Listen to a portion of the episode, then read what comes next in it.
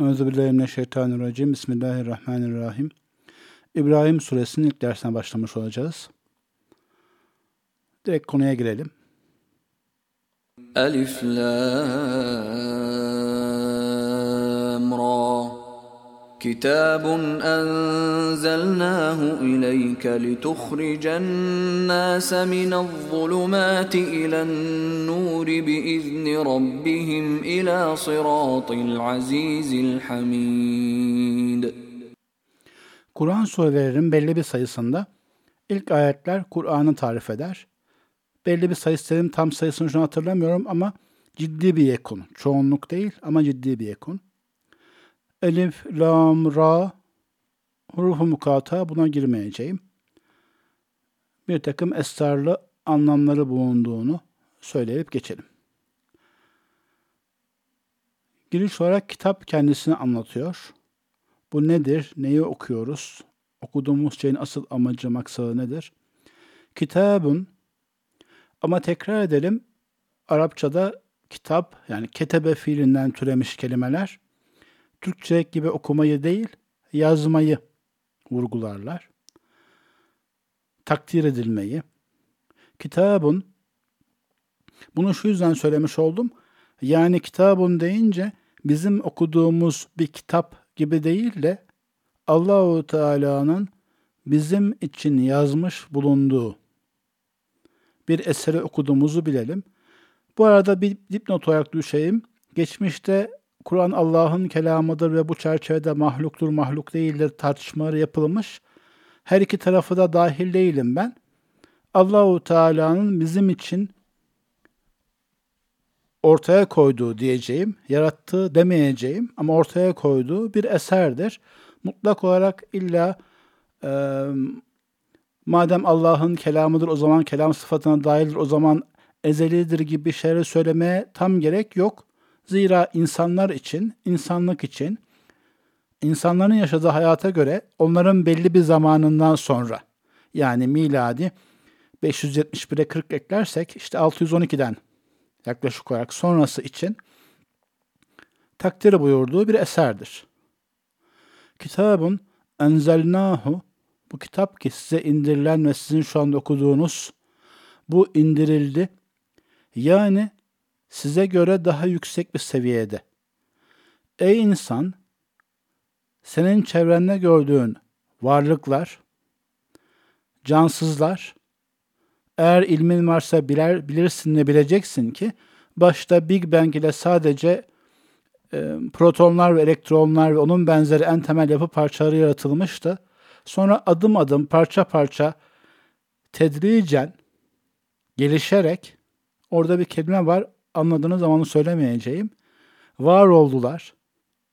İlk 3-5 milyar yıl yani bazı yıldızların çok büyük kütle kazanıp sonra ömrünün sonuna doğru var olan hidrojenin kendi kütlerine var olan hidrojenin hemen hemen tamamını helyuma çevirdikten sonra önce içlerine çöküp sonra patladığı o süpernova şartları oluşuncaya kadar belli bir ağırlıktan atom ağırlığından bahsediyorum daha öte elementler yoktu. Yine herkese bu alemde hayvanların ve bitkilerin kendine göre bir gelişimi var ve senin biyolojik varlığın da kendine göre bir gelişimi var. Ama bunlara bakıp aldanmayasın. Hatta insanların topluluk olarak bir kültür, bir medeniyet geliştirerek senin dışında sana göre kendi kendine olan bir gelişimi de var. Yani bin veya on bin yıl öncesine göre aynı kalitede barınaklarda barınmıyoruz, giysiler giymiyoruz. Onda var bir gelişimi. Ama sen şuur sahibi, ene sahibi, ego sahibi, benlik sahibi sen, senin gerçek psikolojik gelişimin kendi kendine olabilecek bir şey değildir. Sen şu anda varlığınla aşağı bir seviyedesin ama yükselebilirsin.'' Yükselmenin yolu da yani seni yükseltecek merdiven de yukarıdan indiriliyor. İndirildi. Kitabun enzelnahu bu size indirilen kitap. İleyke diyor, sana diyor. Burada vahyin bizzat Efendimiz'e inmesi ve onun nebi olması ve bizim olmamamız hani bariz durumu hariç bu ileykeyi dinleyen her arkadaş kendisine diye okusun. Çünkü nihayetinde evet bizim kıymetimiz Efendimiz'den çok düşüktür. Buna bir itirazımız yok. Ama diğer taraftan düşün ki sen ne kadar kıymetlisin ki Efendimiz, Peygamberimiz Hz. Muhammed Aleyhisselatü Vesselam bu mesajı sen haberdar olabilesin diye o zahmetlere katlandı ve ona vazife verildi. Sana indirilen bu kitap. Evet sana e, senin zihnine veya kalbine bizzat indirilmedi. Onu kaldıracak potansiyelinde yok. İndirilmeye kalkılsaydı aynı Hz. Musa'nın Allahu Teala'yı görmek istemeyip de, görmek isteyip de karşısındaki dağın paramparça olması gibi sen de paramparça olurdun. O yüzden Hz. Cebrail ve Efendimiz gibi çok kuvvetli bir bağla sana indirildi. Ama sana indirildi. Sen dinleyesin diye. Kitabın enzelnahu ileyke Devam edelim. Li tuhrece çıkarsın amacıyla, bu niyetle, bu hedefe yönelik. Bu arada arkadaşlar yine Arapçada bir dipnot düşeyim, akılda yanlış kalmasın. Li ifadesi, bu amaçla ifadesi bazen o fiili yapan kişinin açık iradesiyle onu amaçladığını kasteder. Ama her durumda neticenin o olacağından veya çoğu durumda neticenin o olacağından bahseder. Yani şöyle bir şey, siz bir insandan bahsederken mesela sigara içiyor olsun, adamın kendi niyeti hani sıkıntısını atmak, mutlu olmak olabilir. Ama onun için siz li kanser olsun diye yani kanser olmak maksadıyla sigara içiyor gibi cümle kurabilirsiniz. Ne kastetim ama uzatmayayım bunu. Li tuhrucennâse bir kitap indirildi ki insanları, nası, tüm insanları çıkarsın diye. Yani burada bahsedilen bil istidat, bunda bu potansiyel var. İnsanlara kulak verirse. Minez zulümat ilen nur. Bu size indirilen, bu şimdi okuduğunuz Kur'an var ya, Nas'ı karanlıklardan aydınlığa çıkarabilecek bir şey. Hangi karanlık, hangi aydınlık? Hangisi ise. Benliğin karanlığı, şehvetin karanlığı, öfkenin karanlığı, günahların zulümatı, zulmün, başka insana kötü davranmanın çirkinliği, bilmeden yanlış şey yapmaya devam etmeye getireceği karanlıklar, derece derece ve mesela kişi kendisini son derece haklı hissederek, mesela haset, kıskançlık ve benzer negatif duygulara kapılarak veya bencillik gibi hayatı hem kendisine hem çevresindekilere zindan etmesi gibi karanlıklar, karanlıklardan aydınlığa çıkarsın diye. Burada hemen bir dipnot daha düşeyim arkadaşlar. Kur'an geldiği zaman yeni bir dil oluşturdu. Arapçadan başkasını kastetmiyorum ama var olan kelimelere bir anlam, yeni anlamlar yükledi. O kelimeleri güzel kullandı ve yeniyi, güzeli, iyiyi, gelişmeyi, ilerlemeyi temsil eder oldu. Biliyorsunuz Batı'nın tarihinde de bir aydınlanma çağı var. Yine herkese Türkiye'de batılcı olanlar, batıllaşma veya batıdaki bazı değerleri veya çoğu değeri benimsemeyi savunanlar da aydın kelimesini kullanmayı tercih ediyorlar bu çerçeve için. Yani tarihin belli bölümünde yeniyi, güzeli, daha iyiyi başka şeyler temsil etmeye başladı. Bunu şu yüzden dipnot olarak düşüyorum. İster kendilerine, kendisine İslam hakkında soru sorulan insanlar, ister dinini ve dinin emirlerini rahat rahat toplumsal hayatın içinde, meydanda, agorada yaşamaya çalışan insanlar, isterse de başkalarına tebliğ yapmaya çalışan insanlar bunda zorluk çekiyorlar, çekiyoruz. Çünkü bizim insanların bildiği haliyle, bizim elimizde olan haliyle İslam bir geriliği, geride kalmayı, değişme kapalılığı, eski moda olmayı ifade ediyor. Bir dipnot olarak düşebiliriz. Yani hem dinlerini rahat yaşamak isteyen insanlar hem de tebliğe hayat vermek isteyen insanlar yeni bir dil, bir ifade tarzı, bir uslup, bir anlatım bulmalıdırlar ki Kur'an onlara tam rehber, rehber olsun. Elif lam ra kitabun enzelnahu ileyke li tuhricen nase minez zulümati ilen nur. Ve sonra bi izni rabbihim.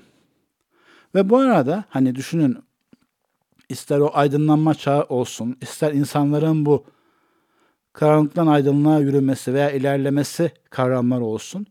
Çoğusunda geride kalanları bir ezme hali, küçümseme hali görebilirsiniz.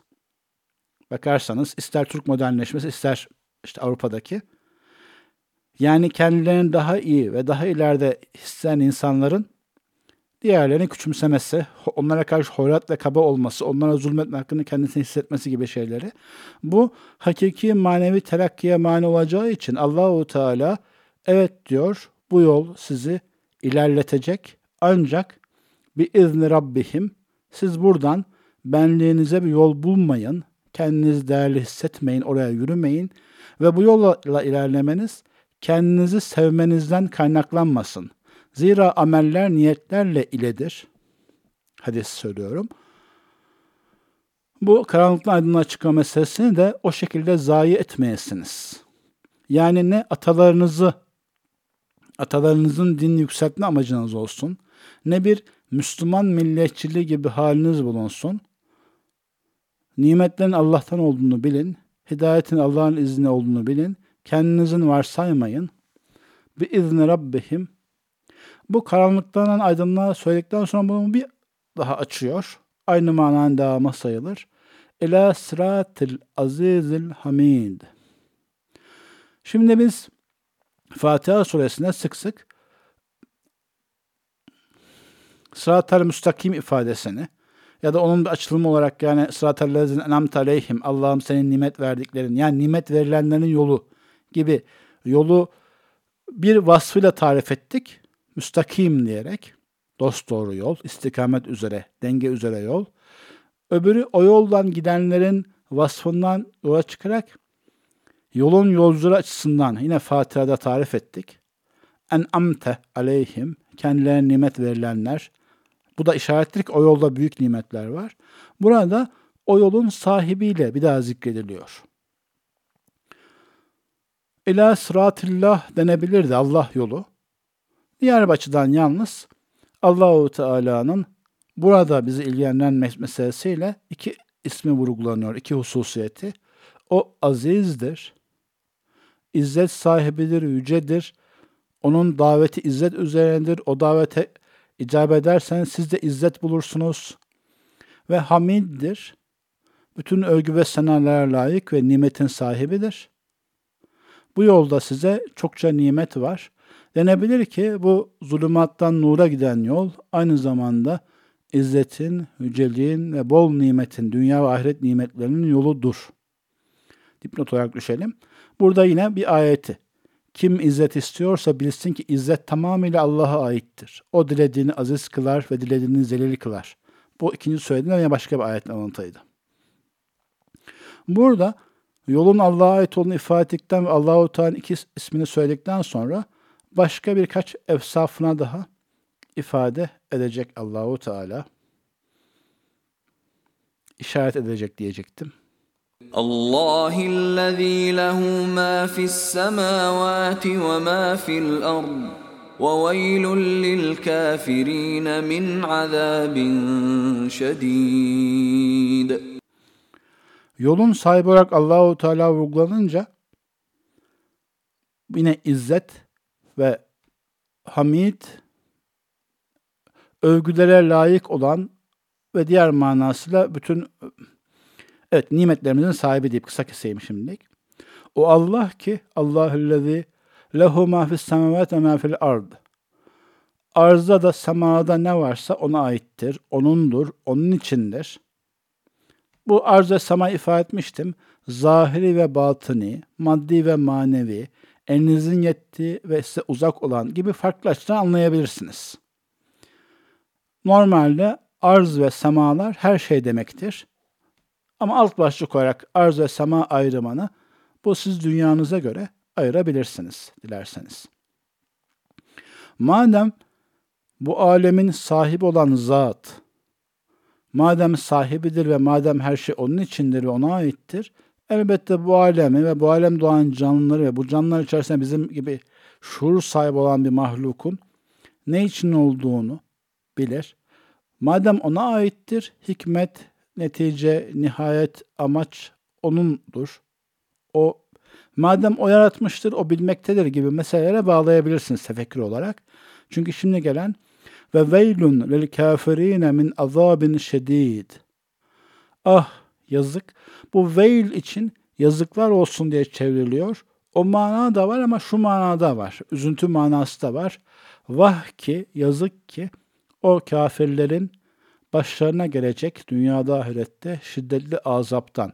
Bu bazen gerçekten maddi azaplar olur. Bazen hatta azap olduğunu fark etmedikleri manevi hallerde olur. Hani zihinsel dengesini kaybetmiş bir insan bulduğu bir çamuru veya pisliği yüzüne gözüne sürüp bunu miskü amber zannedebilir ve kendi o halde mutlu olabilir. Ama dışarıdan bakan bir insan o halde olmayı hiç istemez. Evet bazen çocukların o cahil masumiyetine özendiğimiz olur ama kimse mesela yaşlanmış, bunanmış, tuhafsamış, saçma sapan hareketler yapan bir insanın yerinde olmak istemez değil mi normal halimizle? Ben de şöyle güzel bir delirseydim ne hiçbir derdim kalmasın demez, demezdik. Bunun gibi de bazen günah ve hata içinde olan bir insan kendisinin azapta olduğunu bilmeyebilir ama hariçten bakınca azapta olduğunu görebilirsiniz.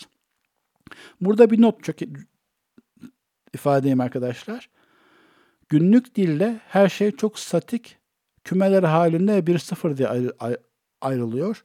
O yüzden burada kafirler deyince bir an ya biz Müslümanız o yüzden bu ayetin muhatabı değiliz gibi anlayabiliriz. Öyle anlarsak yanlış anlamış oluruz. İnsan kendisini halleri, amelleri, saatleri hani hem zaman açısından farklı zamanlarını aylar veya dakikalar olarak hem içindeki farklı bakış açıları, farklı amel tarzları olarak konular olarak. Mesela bir insan doğru söyleme konusunda titiz olabilir ama vefa konusunda değildir. Veya temizlik konusunda titizdir ama kalp kırılma konusunda değildir. Rastgele şeyler söylüyorum yani.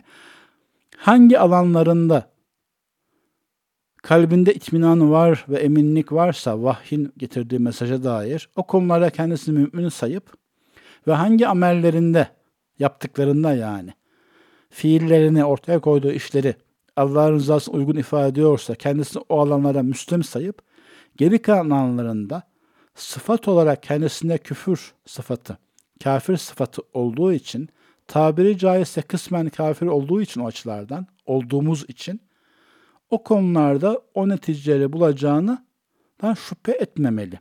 Yani ben kelime-i tevhidi söyledim, müminler içerisindeyim, Kur'an'da geçen kafir kelimeleri beni hiç enterese etmez demesin.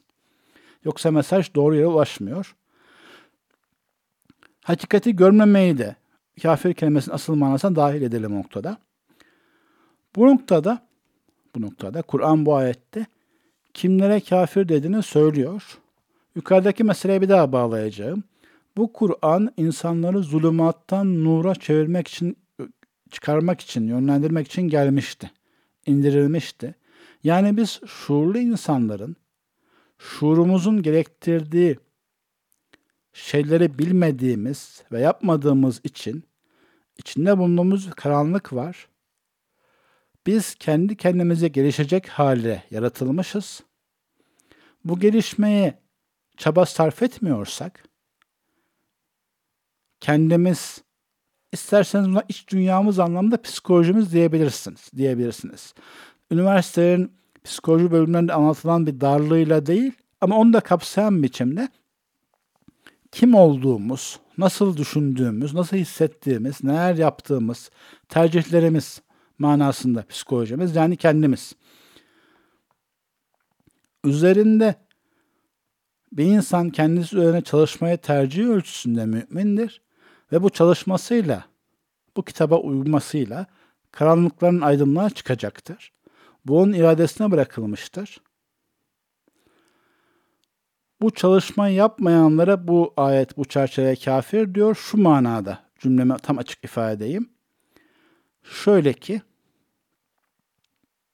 الذين يستحبون الحياة الدنيا على الآخرة ويصدون عن سبيل الله ويبغونها عوجا.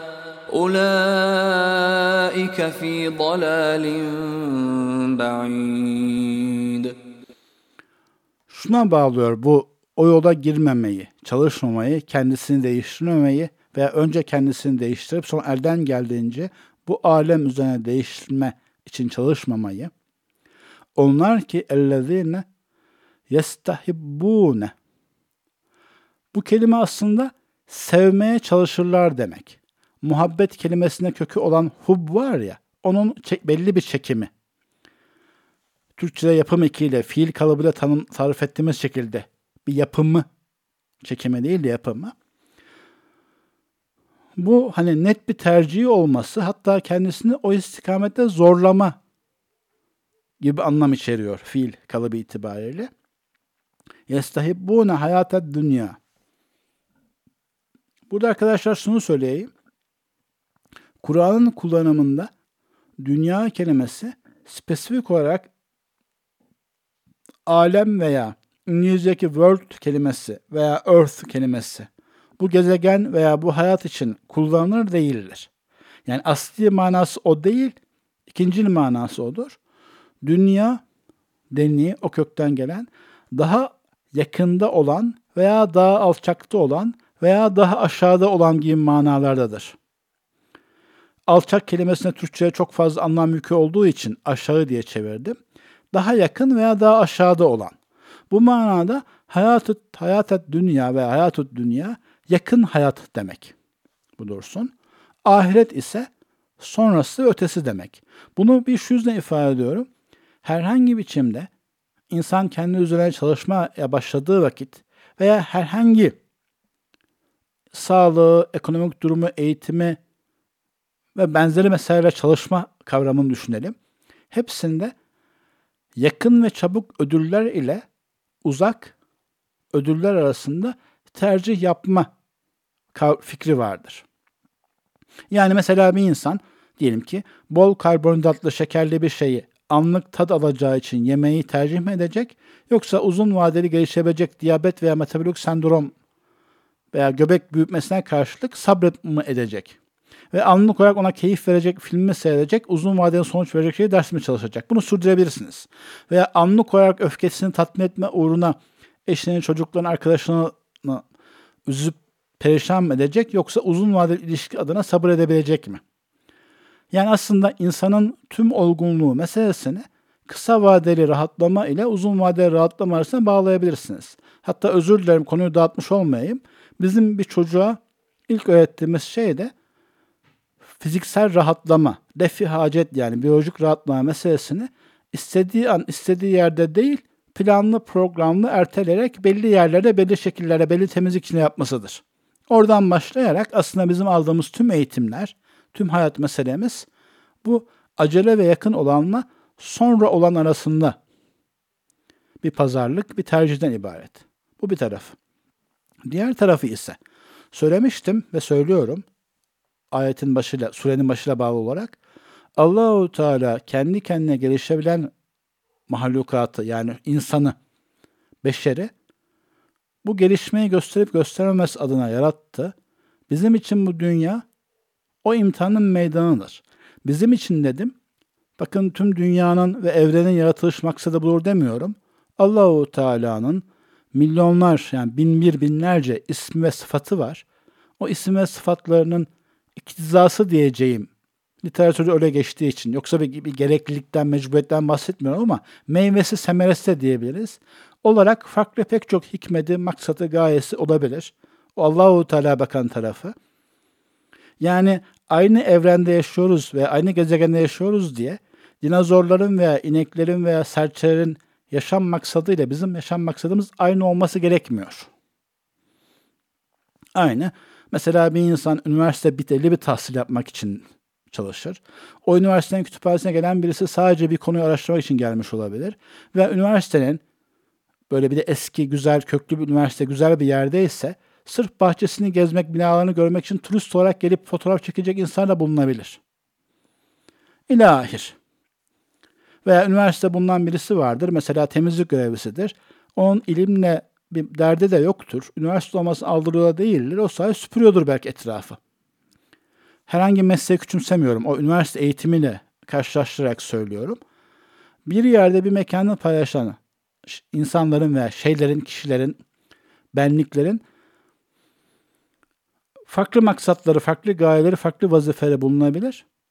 Bu çerçevede hayatı dünyaya razı olmak, hayatı dünyayı tercih etme, bu çerçevede ahireti unutma, bu konuda bir kafa karışıklığına atıf, atıfta bulunuyor. Risale-i Nur'da bu konu bir örneği bilirsiniz zaten. Hani bir sultan bir hizmetçisinin cebine bir altın verip onu elbise ve başka şey almaya gönderiyor. Başka birisine bin altın veriyor ama cebine bir de yazılı pusula veriyor. O adam şaşkınlığından sadece ilk hizmetçiye bakıyor diyor ki o madem elbise ve yemek aldı demek ki bana bin altında elbise ve yemek almak için verilmiştir diyor. Oysa böyle bakması hatadır. Örneği hatırlamışsınızdır. Yani hayatı dünyayı tercih etme, asıl maksat yapma, hatta bu konuda kendisini zorlama ve bu çerçevede gelişmeyi, kendisi üzerine çalışma ihmal etmeye Kur'an'ın kafirin diyerek saydıklarını görebiliyorsunuz. Bir de zaten bu küfrün üç halini anlatacak şimdi Kur'an. Anlatıyor bu ayette yani. Bir bu genel hal. Ben geldim, diğer canlılar gibi beslenirim, belli yaş bir barınak bulurum, edinirim, çiftleşir ve ürerim. Bu arada az buçuk mal mülk sahibi olurum. Yani o barınağımı kendime göre güzel ve süslü yaparım. Ama bunu kuşlar yapar merak etmeyesiniz. Ve ölürüm. Arada belli beş yakar çocuklarıma bakarım. Kediler de belli beş yakar bakıyor biliyorsunuz. Bir bu hali yeterli görme. Hayatı dünyasının büyüsüne kapılma hali var. Biz en çok bunun üzerine durup bunu yapmaya çalışıyoruz ve yaşamaya çalışıyoruz. Biz derken tüm din, iman veya insanın gelişimi üzerine konuşanları söylüyorum. Hatta Müslüman olmasalar da diğer dinlerden veya Hindu, Çinli, Amerikalı olsalar da insanları çağıranlar en çok buna çağırıyorlar. Ötelere çağıranlar. Diğer taraftan daha tehlikeli iki hal daha var ama. Onlar da bundan besleniyor. Öbürü ve yasuddun an sebilillah. Bu halde tam bağlananlar, tam kapılanların aslında şöyle söyleyeyim arkadaşlar. Burada V ile bağlanmış üç madde var. Bunları zarar açısından kötülük derecesi artması olarak anlayabilirsiniz. Öyle okumak da mümkün.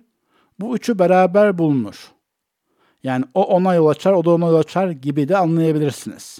İki farklı anlam dairesi, seviyesi var. Anlam düzlemi var diyeyim. İkiden ibaret değil de şimdi bu ikisini anlatayım ben. Bir, siz iman ve İslam meselesinde bunu tebliğ adına düşünebilirsiniz muhataplarınızın çoğunu hayatı dünyayı tercih edip ahirete aldırmayanlardan göreceksiniz. O çerçevede onların da din algısı ve sevgisi hayatı dünyaya dahil edebilecekleri şekilde olacaktır. Yani tamam vefat var, kabul. Bazı merasimler var, tamam. Ee, Ramazan'da et, pardon, yani kurbanda et, Ramazan'da tatlı var, o da okey. Arada gezintisi var, o da güzel. Yani hayatı dünyanın içerisine ekleyebiliyorlarsa ekleyebildikleri kadarını veya hafta bir gidelim, Hristiyansak kiliseye gidelim, sağ solu insanları görelim, sosyalleşelim. İşte Müslümansak bir cuma uğramış olalım. Hem insanlar bizi orada görsün. Yine sosyalleşelim, toplumsal bir şey dönsün. İnsanın büyük çoğunluğunun hayatı dünyayı tercihi bırakmadıklarını göreceksiniz. Bunun başka bir hali de tamam birader İslam'da güzel ama önce biz e, güzel mesleğimizi edinelim, evimizi ve arabamızı kuralım, eşimizi, çocuklarımızı mesela bir sabitleyelim, toplumsal konumumuzu değerli tutalım. Sonra hobi nevinden hafta bir gün bir sohbetimize veya paramızın işte 5-10 lirasını yüzde bir ikisini vererek e, dinle de bağlantımızı sürdürürüz. Bu da hayatı dünyaya istihab, yestehibbune'nin bir örneği. Sadece iki anlam düzlemi anlatacağım dedim ama ifademi tutamadım. Birkaç farklı anlam düzeni işaret etmiş olduk. En çok bununla muhatap olacağız. Bundan sonra ve bazen şöyle insanları da göreceğiz ve bunlara karşı çıkacak, karşımıza çıkacak. Yesuddun an sebilillah. Fiil kökü sadede diye söyleyelim. O kök aslında yüz çevirmek, dönüp gitmek, ilgilenmemek, kaçınmak anlamına geliyor. Burada onun geçişli çekimi var. Yasuddune saddede diye söyleyelim. Bu başkalarını yüz çevirmesini sağlamak, başkalarının kaçınmasını sağlamak veya başkalarının gelmesine engel olmak. E yani iman ve İslam'ın tebliğ yapılmasına mani olmak farklı dereceyle. İster hani o Ebu Leheb'in Efendimiz panayırları İslam'ı anlatırken arkasından gelip bu benim yeğenimdir, delirdi bu, cin çarptı onu, böyle konuşuyor işte. Şeklek aleyhteki konuşmalar olsun. Ama bu örnekten başlayarak her zaman ve her yerde imanı, İslam'ı tebliğ etmeye çalışan, yaşamaya ve yaşatmaya çalışanlara iftiralar, hakaretler düşünün, dursun. Daha aktif halinde o Mekke döneminin hüzün yılları, boykot yılları çerçevesinde bizzat engel olma, daha sonra Bedir, Uhud, Hendek öldürmeye çalışma, katletme, hapsetme. Habeşistan'la hicret edenlere biliyorsunuz arkasından Amr'ın başkanına bir heyet göndermişti Mekkeliler. O hicret edenleri geri Mekke'ye çağırıp veya getirtip orada işkence etme. Yani herhangi pek çok farklı derecesini bulabilirsiniz engel olmanın. Mekke'de şöyle durumlar siyerden okuyoruz. Efendimiz Mekke tebliğini yaparken sair civar kabilelerden bir insan bir ticaret veya umre hac maksadıyla Mekke yolu düşünce yollarda bekliyor belki bazıları. Hemen uyarıyorlar. İçeride Muhammed diye birisi var aleyhissalatü vesselam. Farklı şeyler söylüyor, tehlikeli şeyler söylüyor. Öyle ki ona onun söylediklerine kulak verirsen babayı oğlundan, işte kızı anasından, insanı kabilesinden ayırt ayıracak, birbirine düşmeyecek şeyler söylüyor. Aman kulak verme diye ön uyaranlar da vardı. Buradan başlayarak işte bazı ashabı işkenceyle katletmeye kadar o devir iyi bilindiği için örnekleri o devirden veriyorum ama 1400 senede farklı yerlerde, farklı zamanlarda pek çok farklı örnek bulunabilir. Vaka yesuddune an sebilillah. Allah'ın yoluna insan gitmesine mani olma. Bu arada şunu söylemiş olayım. Ben burada hani iki anlam düzlemi demiştim.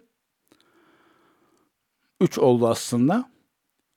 Bir kendinden dünyayı sevmek için ilgilenmeyenlerle böyle zahmet ve zorlukla engel olacaklar var demiştik. Bunlar iki farklı grup açıklamıştık. Bir de bir insan hayatı dünyayı seviyorsa Mesela siz diyebilirsiniz işte gel şurada sohbete gideyim. O diyebilir ya burada gel güzel bir okey oynayalım. Uyduruyorum bir şey beraber film seyredelim. Gel şu güzel suretlere bakalım. Hiç canımızı sıkmayalım, keyfimizi kaçırmayalım. Niye uğraşalım ki onlarla? Bakın burada aktif bir karşı durma tavrı yok. Ama hayatı dünyayı tercih eden bir insan bunu yumuşaklıkla, önerilerle yapsa da az veya çok yesuddûne an sebilillah yapar. Bu da bulunsun. Üçüncü bir grup daha var.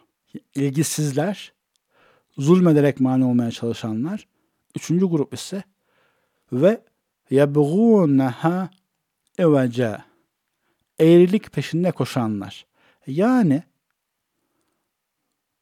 Kur'an'ın ve İslam'ın hakiki maksadı ve anlamı var. Fakat bu anlam hayatı dünyayı sevenlere ağır geliyor takip edemiyorlar. Çevresindeki insan öyle yaşamasını istemiyorlar. O yüzden ayetlerin, hadislerin, kavramların manalarını bilerek ya da bilmeyerek çarpıtıyorlar. Bilmeyerek kısmı şu, bir insan bir noktada vahiyden uzak olana tam bağlanmışsa ve onu tam doğru biliyorsa istese de istemese de vahiydeki maksadı çarpıtarak anlar. Bunun farklı örneklerini farklı sohbetlere vermiştim. Mesela demin geçtiği için söyleyeyim. Ameller niyetlere göredir hadisini biliyorsunuz. Devamı nasıl? Mekke'den Medine'ye Allah rızası için değil, Efendimiz yanımızda olmak için, yanında olmak için değil, Fakat kendisi mümin ve Müslüman olduğu halde yine bir mümin kadın ben seninle ancak Medine'ye gelirsen evlenirim dediği için o niyetle hicret etmiş birisinden bahsediliyor. Efendimiz'e devamında ameller niyetlerle beraberdir. Kimin hicreti Allah içinse ona sevap vardır ve kimin hicreti evlilik içinse ona sevap yoktur ve ona evlilik vardır diye tarif ediyor. Hadisin hikayesini hepiniz duymuşsunuzdur. Ama yine hepiniz duymuşsunuzdur ve belki az düşünmüşsünüzdür. Hadis diyor ki doğru bir şeyi eğri niyetle yaparsanız sevap alamazsınız. Peki insanlar ameller niyetlere göre nasıl kullanıyor genelde? Eğri bir şeyi dahi içinizden hoş bir niyet varsa yaparsanız sevap alırsınız. Bir bakıma tam ters manasını yani. Bunu bilerek yaptıklarını söylemiyorum. Bir şeyi insanın içine bulunduğu tüm düzlemlerde yani doğru olarak yapmak ağır bir şeydir. Yani mesela sadaka vereceğim ama sadaka verirken zihinsel düzleme doğru yerde olacağım. Hedefim, niyetim. Duygusal düzleme doğru yerde olacağım. İhlasım, insana göstermek istemem, sadece kendimi kurtarmaya çalışmam. Fiziksel düzlemde doğru yerde olacağım. Yani gidip parayı bizzat vereceğim yani. Üçünü birden doğru yapmak zor olduğu için, hayatı dünyada insanlar sevdiği için manaları çarpıtıp kendi dünyalarına indireceklerdir. Bu arada yine bunları söyle sıralayalım. Farklı anlam düzlemleri demiştik. Bir insan hayatı dünyayı seviyorsa vahye kulaklarını kapatır. Bilse de bilmese de ona engel olur ve engel olanlara destek verir. Onun haricinde eline ulaşan mesajı da çarpıtır. Bu bize bu uyarı.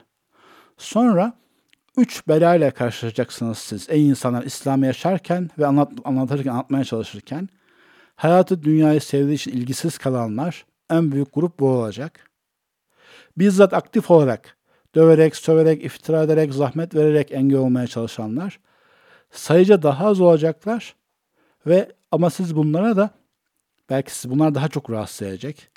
Daha nadir olacaklar ama olunca çok canınız yakacak, yanacak. Veya uzaktan haberini alsanız bile, mesela Çin'deki Müslüman yapılan zulmü öğrenseniz bile içinizin yanması gibi canınızı en çok bu sıkacak. Diğer taraftan ama size en büyük zararı İvaç peşinde koşanlar, bilerek veya bilmeyerek anlam çarpıtanlar verecek. Veya üç nevi direnme noktası, üç farklı insan grubu. Bu mevzu üzerine çok daha uzun konuşabilirim.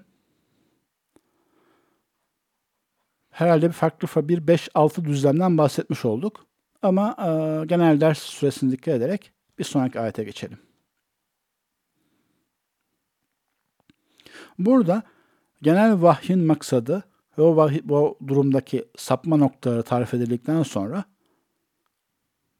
وَلَقَدْ أَرْسَلْ وَمَا أَرْسَلْنَا مِنْ رَسُولٍ إِلَّا بِلِسَانِ قَوْمِهِ لِيُبَيِّنَ لَهُمْ فَيُضِلُّ اللَّهُ مَنْ يَشَاءُ وَيَهْدِي مَنْ يَشَاءُ وَهُوَ الْعَزِيزُ الْحَكِيمُ وَلَقَدْ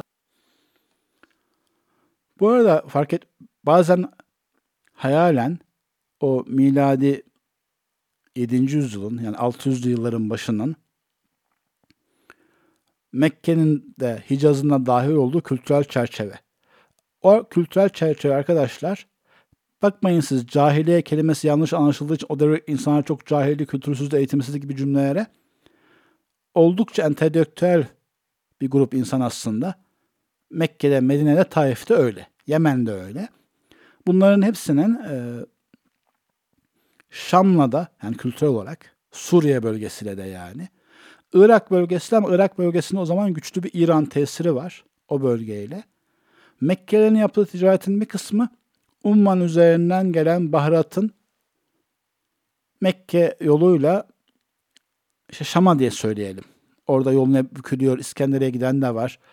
Yine Hindistan üzerinden gelen malların bir kısmı Yemen'e gelip deniz yoluyla oradan Kızıldeniz'den tekrar karaya aktarılıp İskenderiye'den tekrar yani deniz kenarından tekrar e, gemilerle Avrupa'ya ulaşması var. Evet Roma İmparatorluğu'nda bile yani Milattan az önce de bu ticaret var, sonrasında da var. Tarihi bazı kayıtlardan bahsediyorum. Farklı ticaret yolları, buna şey söyleyecektim. Hmm, Yemen Süveyş kanalı diyelim. O zaman Süveyş kanalı yoktu. Oradaki şehrin adını hatırlayamadım. Arasında gidip gelen gemilerin e, de Mekke'ye yakın bir yerde, şimdiki ciddiye tekabül eden bir yerde limanları, durakları da var. Bu arada bizim için artık Afrika'da kalıp önemini kaybetmiş olsa da o zamanki şimdi Habeşistan diye mevzu olan devlet hem güçlü hem kültürel olarak etkin. Çünkü Hz. İsa'nın havarilerinden birisi veya havarilerin talebeleri orada Hristiyanlığı yaymış. Mısır gibi o da ayrı bir kültürel merkez ve onların konuştuğu dil de Semitik bir dil. Yani Arapça ile akraba. Bu saydığımız bölgelerin Filistin ve Şam bölgesi de Semitik ve Arapça ile oldukça yakın akraba olan dilleri var. Farsça öyle değil. Mısırların dilin akrabalığı daha uzak. Bir an e, böyle sözle azalıyor da gözlerinizin önünde oraların haritasını ve kültür haritasına değinmeye çalıştım. Şuna bağlayacaktım aslında. Nübüvvet kavramı bilinmiyor değil, bir kültürel background var. O çerçevede mevcut peygamberlerden farklı bir peygamber, mevcut dinlerden farklı bir din gelmesine karşı itiraz da var. Çünkü insanlar genelde sabit olanı sabit kabul ediyor. Mesela size ben desem ki, örnek veriyorum, bir internet arama motoru üzerine çalışıyorum. Ne dersiniz? Abi Google var, ne yapacaksın sen? Aklınıza mesela bir zamanlar Google'un olmadığı, başka arama motorlarının olduğu ama Google'un çıkıp onlardan daha iyi olduğu gelmez mesela diyelim ki. İşte gazlı bir içecek üreteceğim deseniz hani bilindiği için söyleyeyim. Marka reklamı da yapmak istiyorum da. Abi kola var, Pepsi var. O işe niye gireceksin? Derseniz. Buradaki bu tavsiyelerin ekonomik rekabet zorlu kısımları yani doğrudan kısımları bir köşeye bırakalım. Ben şunu söylemeye çalışıyorum. İnsanlar genelde var olan hali sabit ve hak edilmiş kabul edip yeniyi anlamsız abes görmesi hali vardır. Bize bugün artık öyle bir halde değiliz. Biz bugün bizim için İslam'da sabit. Hatta belki olmaması gerektiği kadar çok sabit bir şey. Ama hayal o zaman da gidelim. Kur'an'ın kendisini savunma yöntemlerini görelim. Kur'an buyuruyor. Evet daha önce peygamberler vardı. Bu da yeni bir peygamber. Onlara farklı bir şeyler söylüyor. Ama onlar varken de onun konuşma hakkı var. Ve ma erselna min rasulin illa bilisani bilisani kavmihi. Biz gönderdiğimiz Resulleri ancak kavimlerin diline gönderdik. Veya cümleyi tam çevirirsek biz herhangi bir kavme kendi dili dışında bir peygamber göndermedik. Li yubeyyine lehum. Bu arada ayetin asıl maksadını veya benim anladığım asıl maksadını ifade ettim. Biraz o zaman çerçevesinde ifade ettim. İkincisi de Resuller Allahu Teala bizzat vahiy gönderdiği zatlar geçmişte kendi kavimlerinin dille geldiği gibi mana olarak gelecek içinde, bugünler içinde ve aradaki 1400 yıl içerisinde içinde de peygamberlerin vekilleri, varisleri sayılabilecek bazı ulema veya meşayihin kendi kavimlerinin diliyle konuşup onlara bir şey anlatacağına bir işaret olduğunu söyleyebiliriz. Ayrıca eğer bir kavme tebliğ yapmak istiyorsanız o kavmin dilini öğrenin. Yazılı yapacaksanız yazılı, sözlü yapacaksanız sözlü, o lisanda iyi olun da öyle anlatın emrini görebiliriz. Bir başkası da belli bir zamanda insan o hale gelmişse, az okuyup az dinleyip çok seyrediyorlarsa o zaman görsel lisan da öyle bir lisandır. Yani aynı zamanda öğretmenlere şunu öğretmiş olur bu ayet. Siz kendi kelime kavramlarınızı aktarırken karşı tarafın anlayışından, kelime kavramlarından başlayın. Onlara onların lisanıyla, anlayışıyla hitap edin. Oradan gelin kendinizi kendi anlayış genişliğinize ifade edip de veya kendi sevdiğiniz kelime ifade etmeye çalışıp da anlaşılma riskini almayın. Normali yani verimli olanı elçinin muhatap olduğu, anlatmaya çalıştığı insanın dilinde. Bu dilin bütün anlamlarıyla fark ettiyseniz kullandım. konuşmasıdır gibi örnek vermiş oluyor.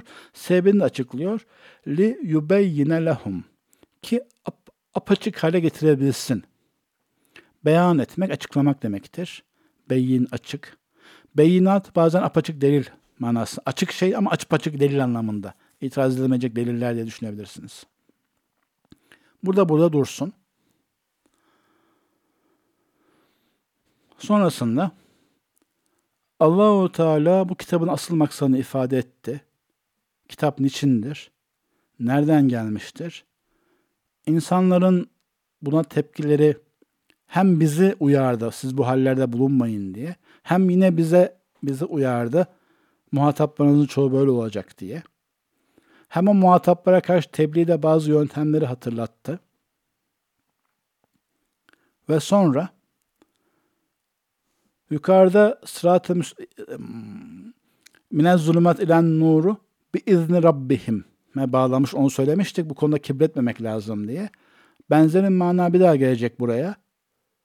Ve yudullu ve fe yudillullahu men neşâ'u Allah dilediğini yanlışa sevk eder, yanlışta bırakır, yanlış yapmasını açar. Ama bu cümle açacağım şimdi birazdan. Ve yehdi men neşâ'u ve dilediğine hidayet eder, doğruyu gösterir. Bunun bir izni Rabbihim meselesine bağlayalım bir. Hidayeti de, dalaleti de kendinizden bilmeyin. O çerçevede dün doğru yoldaysanız bugüne doğru yol olacağınızı, yarınızda doğruluk adına garanti edinizi zannetmeyin. Kalbinizde hidayeti kendi malınız görmek, dalalete de muhatabın asli özelliği görmek hatası bulunmasın. Hemen burada psikolojiden örnek vereceğim arkadaşlar. İnsanın şöyle bir temayül vardır. Bir öğrenci sınıftan notları kötü olan arkadaşlarına mesela ortalama olarak işte 50, 45, 60 almış bir öğrenci için pek zeki değil, anlayamıyor ve aşırı tembel yani itham edilecek kadar ayıplanacak şekilde tembel olduğu için. Yani özetle ifade edersek ya zihinsel kapasite yetersiz ya alışkanlık yetersiz olduğu için kötü aldığını savunur, düşünür, öyle bakar. Yani insanlar başka insanların kusurlarını onların asli özelliklerine bağlı görme temayülündedirler. Kendisi içinse o aslında çalışacaktır ama ilk günlerinde bir sürü imtihan üstüne gelmiştir, o yüzden çalışamamıştır. Öbür imtihana ise aslında anlayışlıdır ama o günler hasta olduğu için tam ilgilenememiştir. Öbüründe de zaten kendisi doğru cevap yazmış ama hoca kötü not vermiştir gibi kendisine göre dışarıdan harici sebeplerle görür. Bunu genelde hepinizin bir eğitim tecrübesi olduğu için öğrencilik üzerine örnekler veriyorum. Ama şöyle düşünün. Bir insan kendisi geç kaldığı zaman trafik vardı veya çok işim vardı veya unutmuşum ne yapayım dalmışım işte. Mazeretlerini kabul edilmesi güçlü olarak bekleyerek ifade ederken başka insanın geç kalmasını o zaten saygısız birisi, düzensiz birisi, plansız birisi diyerek asli özellik görmeye meyillidir. Konuyu az uzaktan almış oldum ama bu çerçevede insanlar bu kusurlar mesela açıkladık. Başka insanın dalalet hatasını da o insanın asli özelliği görüp mesela bir kişiyi gördünüz 5 yıldır hiç ibadeti duası olmadı. Kafamızda genelde bunu o insan ibadet etmeyen, dua etmeyen ve etmeyecek birisi diye kodlamak. Bizimse bugünlere içim, hiç dua, içimden hiç dua etmek gelmiyor ya. Aslında dua etme planı yapıyorum hiç zaman bulamıyorum. Aslında iki gün dua ediyorum, üçüncü, dördüncü günlere zahmet çıkıyor. Bugün de sabaha kalkamadım. Dersteydim bir an ikindi kaçmış. Neyse uzatabiliriz. Ben de az yorgunum arkadaşlar. Gevezeliğin başlayın. Gibi hep harici sebeplere verir. İyi özellik için tam tersidir kendisinden sadır olan iyiliklere ve kendisi iyi olduğu için yaptığını, başkasından ortaya çıkan iyilikleri de ya benim de o kadar param olsa, işte benim babam annem bana o eğitim verse, ben de okula gitseydim, ben de o kitapları okumuş olsaydım ben de yapardım gibi. Yine başkalarının iyiliklerini harici unsurlar verme temayülü de vardır. Alt başlık olarak söyleyeyim. Alem İslam'ın eğer ilk asli günah, primary sin gibi ifadesini olsa, isim verecek olsak, bu herkeste var da hani alem İslam üzerine konuşursak, bir defa hidayet onlara nasip olduğu diye hep ve her zaman doğru yol üzerine kalacaklarının sanmarı olmuştur diyebiliriz. Çünkü diğer hatalar bunun üzerine inşa ediliyor. Yani siz yanlış ve hatalı olduğunuzdan şüphe etmezseniz hiç, yanlış yaptığınızdan şüphe etmezseniz, niye doğrusunu öğrenmeye çalışasınız ve doğrusunu yapmaya çalışasınız ki? Son antiklerin hepsinin ana fikri buydu. Tekrar edelim. Yudillullahu men neşâ'u ve yehdi men neşâ. Allah'ın dilemesine bağlı, onun mülkü, onun kararı senin değil, bugün senin zannettiğin şey yarın sende kalmayabilir. O çerçevede insan hidayette kalma üzerine o manada en doğruyu bulma, anlama, elinden gelince yaşama üzerine gayreti, çabası, dileği, hedefi, maksadı olmalı. Bu dursun. Diğer derslerde tekrar ettim. Arka arkaya dinleyen arkadaşlar biraz can sıkıcı olabilir bu dersleri. Ama reel hayatta arada zaman olduğu için unutmaya karşı tekrar edeyim.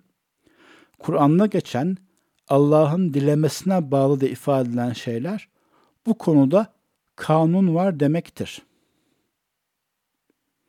Ve bu kanunlar sizin keyfinize bağlı demek değil, yani değildir. Kanunlar kanundur. Aynı şunun gibi sırf siz istemenizle uçamayacağınız ama işte fiziğin, hareketin, motorların, pervanenin kanunlarını bilen ve kanunlara uygun hareket eden bir insanın uçak ve helikopterle uçabileceği gibi sırf cemaatiniz, dininiz, ana neden olması sebebiyle doğruyu düşünme özelliğiniz yoktur. Mantığın kaideleri, bilgiyi kontrol etmenin kanunları ilahiri vardır. Veya insanın kalbinin doğruda kalmasının kanunları da vardır. Efendimizin aktardığı eski kavimlerde 99 kişi öldüren, sonra tevbesi var mıdır diye soran, sonra 100. de öldüren adamın hikayesini hatırlarsınız. Orada mesela Efendimiz bir insanın doğru yolda kalmasının kanunlanan birisinin doğru insanlarla beraber olması olduğunu söylüyor. Şimdi siz kalkıp da ben eğri insana beraber olayım, eğrileri seveyim, eğrilerle muhabbetim olsun, zamanımı onlara geçireyim ama doğru kalayım diye derseniz olmaz. Çünkü sizin meşiyetinize, yaşayanıza göre değil, Allahu Teala takdir, bu, takdiri buyurmuş, kanunları koymuş. O kanunları sizin öğrenmeniz gerekiyor. Şöyle bir örnek vereyim.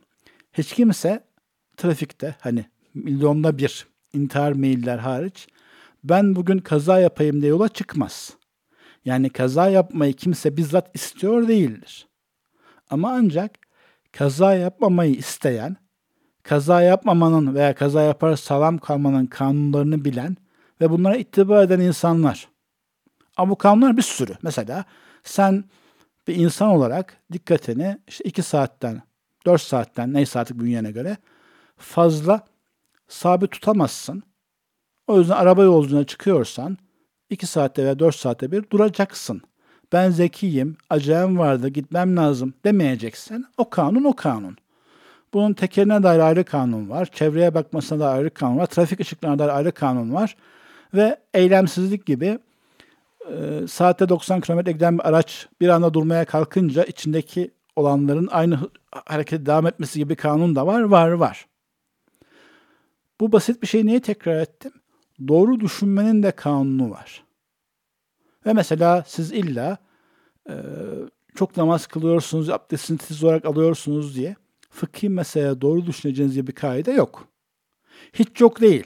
Bir insan Allah'a en, en çok farzlarla yaklaşır. Daha sonra nafilelere yaklaşır. Ve bu şekilde Allah'a öyle yakın olur ki Allahu Teala onun gören gözü konuşan dili olur şeklinde var olan hadis var biliyorsunuz. Aynı mana çerçevesinde ve onun düşünen aklı olur ve bazı konuları onu doğru düşünmeye sevk eder diyerek demin bahsettiğim meselenin bir kısmını bakın bağlayabildim. Ama yine fark ettiyseniz kendi keyfimden bağlamadım. Hadisle, sahih olduğunu bildiğimiz hadisle, kanunla bağladım yani. Evet, Allah dilediğini hidayet eder. Hidayet ve doğru yol olmak ister dünyevi ister dini meselelerde bizim elimizde garanti değil. Ve onun da yolları var ve onlara tabi olmak lazım. Ve huvel azizul hakim.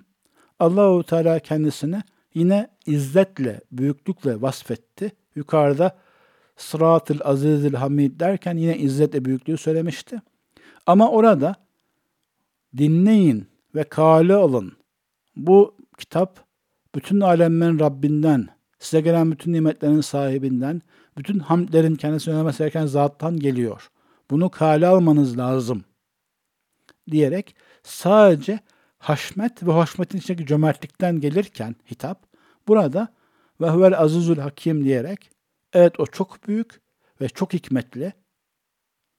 Bu dinde hikmet var, mantık var, hedefler var, gayeler var. Dinlerken hikmetle dinleyin. Bu hikmetler arayın bulun. O hikmetler uygun hareket edin gibi bağlantıları düşünebiliriz. Deyip bugünkü dersi bitireceğim ki zaten burası da bir konunun bitip başka konunun başlayacağı yerdi. Baki selamlar. Allahu Teala'dan bizi burada küfür sıfatı olarak ifade edilmiş bizim özetle dünyayı seven, hakikate mani olan ve hakikati çarpıtanlardan uzak eylesin. Yani bizi onlardan olmaktan korusun. Onların şerlerinden bizi korusun. Bizi sırat-ı azizil hamide hidayet buyursun. Amin. Velhamdülillah Rabbil alemin.